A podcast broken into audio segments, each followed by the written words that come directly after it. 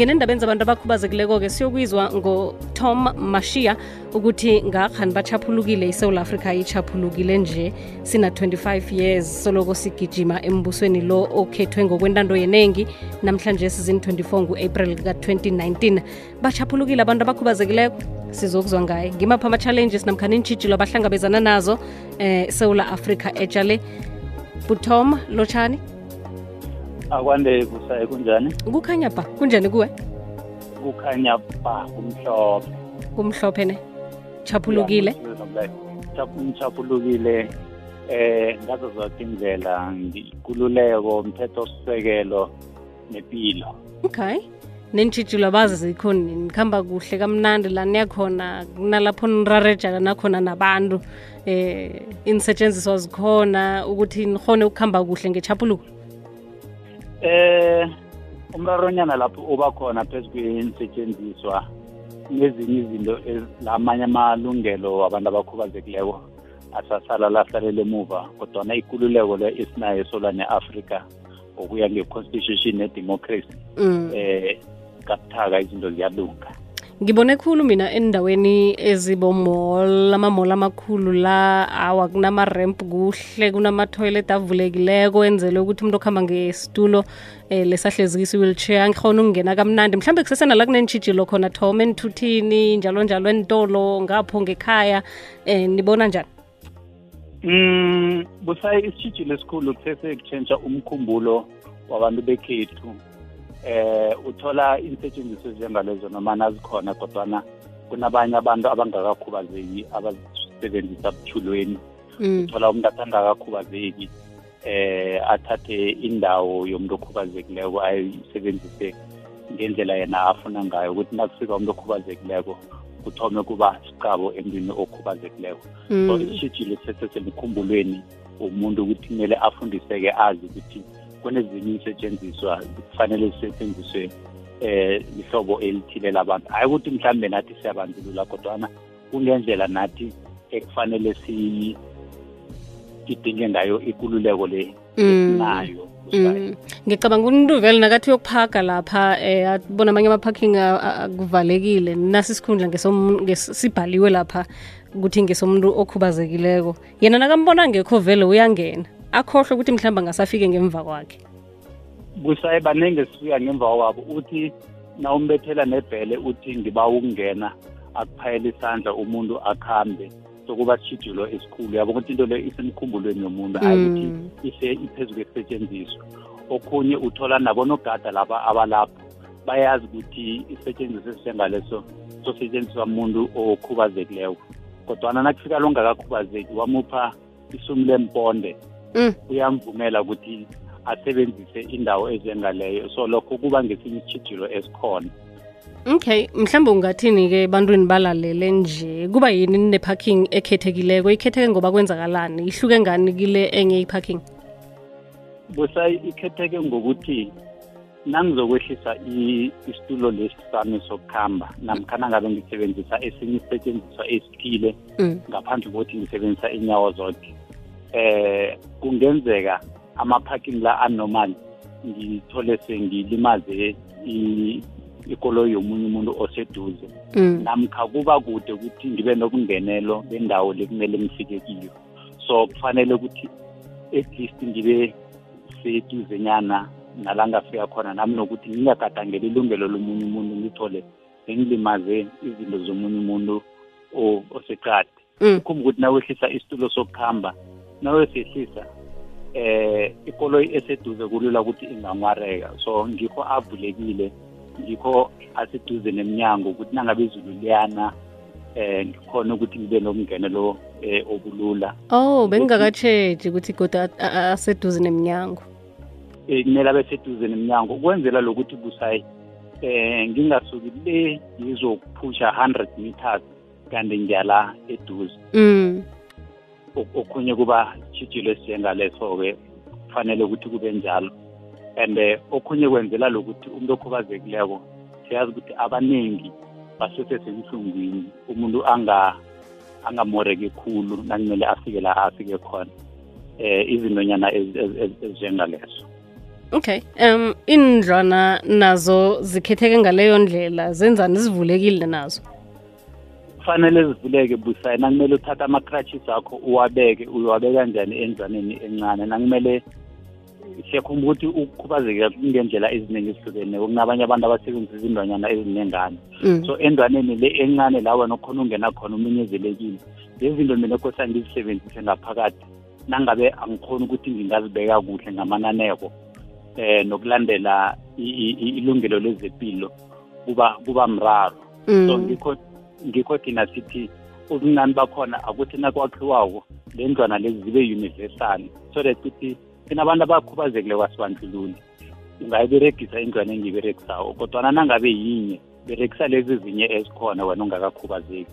Ukuze ukuthi mina ongikhubazekileko nami ngikhona ukuthi ngikhululeke njengawe nokhululekileko le ongakiyo ya ufundisa thina utho umlaleli ufundisa mina nawe. Mhlawumbe angazi-ke ekhaya kunobani okhubazekileko obone ini namkhana wena uboneni ngomuntu okhubazekileko angaphathwa kuhle. Ungasho nje mhlawumbe usikhulumise lapha kuwhatsapp nge-voice note inomboro ithi 079 413 079 413 kanti-ke ama-rams wona eh, akhona niwabonile endaweni zokuyokuthenga emakhiweni ekhona ehlukahlukene konje emphakathini maningi busayi la sikhamba khona sobantu abakhubazekileko siyaqinisekisa ukuthi eh amarempu la abakhona. Kodwana isitshijilo sibuye sibe khona ukuthi uthola umuntu athethe umgcomo wenzibi awubeke phambi kwerempu umuntu okhubazekileko akasakhoni ungena ukhumbule ukuthi nongakakhubazeki angakhona ukuhamba lapha erempini kodwana ngibo laba abakhubazekileko ababuye bavale la marempu la balise intubu lezi bona la bangangena khona. Kodwana iremp ingayisebenzisa noma ngibani ukuya ngami Mm. ukuya ngathi abantu abakhubazekileko iremp it's universal. So ngiyo le ngathana silisa ingabi nemkabo phakathi ukuze nobani nobani khona ukuyisebenzisa. Okay.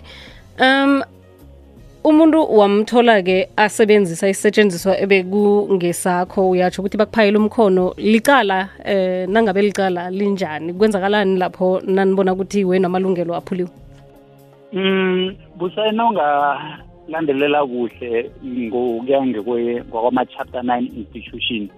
Ngingakuvulela necala ngombana sogadange ilungelo lami lokukhululeka ukhumbula ukuthi nginelungelo le-dignity le-freedom nele-movement nele-expression. So nangabe nami ngithola ilungelo lami ligadangelekile eh ngingaya ku-public protector ngingaya ku-human rights commission kuhle kuhle ngingasebenzisa i-chapter nine institution Mm. ukuqinisekisa ukuthi ilungelo lami uligadangele ngifuna ukuthi ungincephezelise nangabe sengifuna mm. kodwana into ekumele ngenze kokuthoma ukuthi kufanele ukuthi ngikufundise ukuthi la kunelungelo lami oligadangelileko um ngisebenzise i-chapter nine institution ngokuya ngokwe-constitution esinayo esolane africa akhe ngizwe nangumlaleli bona uthini na Ya, ngicela ukubingelela emsakazweni Inkokhwezi FM. Igama nguzwayo ngubani Msinga Sigodini Sendlo. Eh mina kukhona umfana wami wekhubazekile wenesifo sokuwa. Manje wahamba noma wakhe bafike kubo kama wakhe bamyeka nje bangamnakekela wahamba wabhukuda wabhukuda wafika wavuka isifo sokuwa esebhukudini emazini uthukela washona kanjalo. Manje nami ngifisa uca abantu bebanakekele abantu abanesifo aba- nesifo soku- sokuwa njanje ngiyabonga. Mm, siyathokoza nathi baba. Eh ya abantu baza kutshetsha-ke ukuthi umuntu onobulwelwe bokuwa akafanele ukuthi adude ngaleyo ndlela. Enthuthini zomphakathi eh buthom kunjani khona? Eh enthuthini zomphakathi ukukhuluma iqiniso busayi u- ichuguluko lisengakabi ukuba khona ngendlela yokuthi nawuthinga ebhesini awukhoni ukungena. Eh asithathe endaweni khulukhulu njengezemakhaya. Nawuthinga eteksini awukhoni ukungena. Nawuthinga erenkeni akukhambeki nokufika la kune kunamateksi khona. Kula iintshijilo zisesezinenkulu khona ngizo lezi ezenza ukuthi ungakhoni ukubona abantu abaningi abakhubazekileko endaweni eziningi ngombana baneentshijilo naza enthuthini zomphakathi. Mm ungathini kubani? Eh into engingayisho ukuthi kumnyango wezokuthutha kumele uqinisekise ukuthi eh inthuthi lezo mphakathi khulukhulu la bathi khona bathola ama-subsidies eh njengalaba bembhesi njalo njalo. Baqinisekise ukuthi kuba nendlela namkha le nisetshenziswa lezi ezikhona ezisetshenziswa babantu abakhubazekileko. Siyavuma ukuthi ebubulweni lamateksi kusesekhona lokuthi abatholi isekelo kurhulumente kodwana nabo siyababawa ukuthi abaqinisekise ukuthi nababona umuntu okhubazekileko nabo bambone njengomuntu. Benze nedubuntu kunophindile la uphindiwe sisebenza naye. Unokufika ngemva kwesikhathi athi bayangidlula endleleni ngoba ngikhamba nge-wheelchair. Akhe ngizomlaleli bona uthini kodwa. Akwande sesibusayi ngilotshise no DJ Tom lapho. eVaterfall B nguse umthokozi uBenis Mfana konathi. Eh busayi sesengikubona okuningi okwenziwe nguhulumende eh ekuthi kwenzelwa abantu abakhubazekileko begodwa siyakuthabela khulu lokho esele bakwenzileko. Nakho okuncane-ke pheze sele kusalela ngoba na siyakhumbula ukuthi nasikhuluma ngomuntu ukukhubazeka sikhuluma nge-physical disability kuningi nje.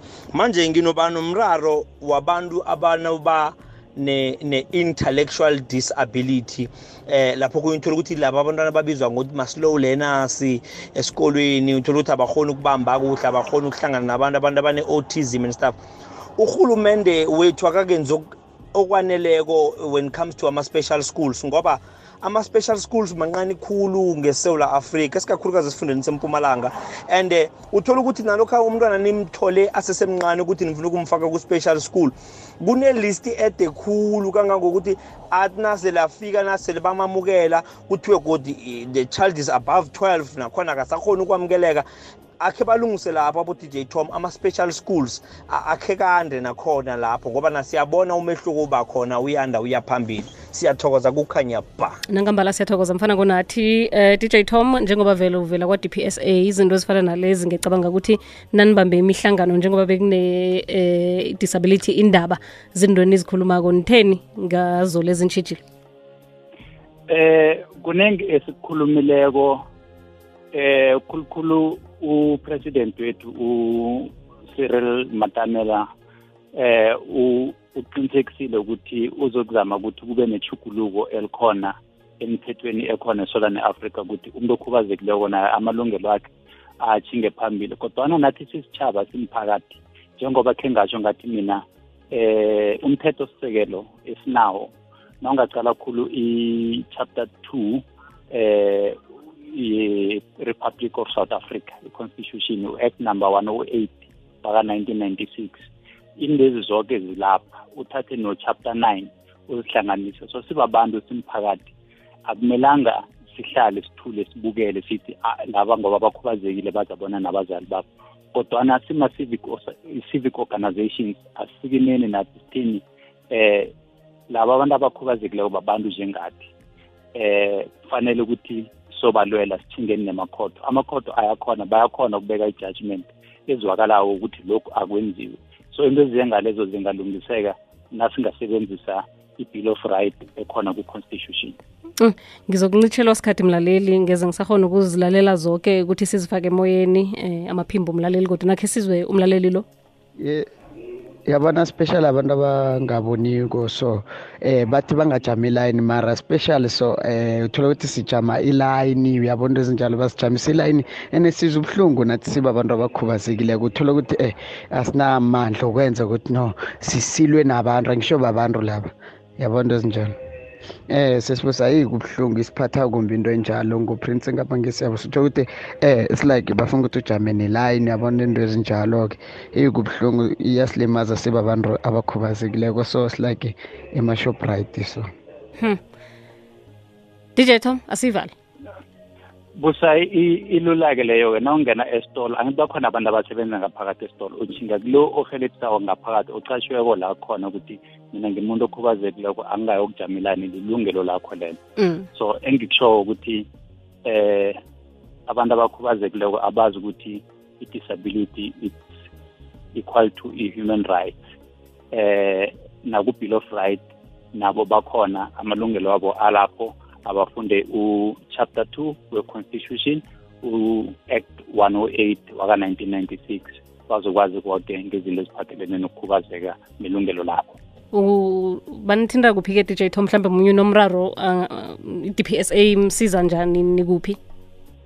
Eh ngipumalanga sise 013 013 794 794 17 17 11 11 ngiba ukuthi silibeke khonapha-ke sitshinge lapha enhlokweni zendaba zephasi. Siyokwizwa ukuthi hlangana nezinye ezokufundwa ngesimbi yesumi nanye kunaziphi? Kunosesithembe indaba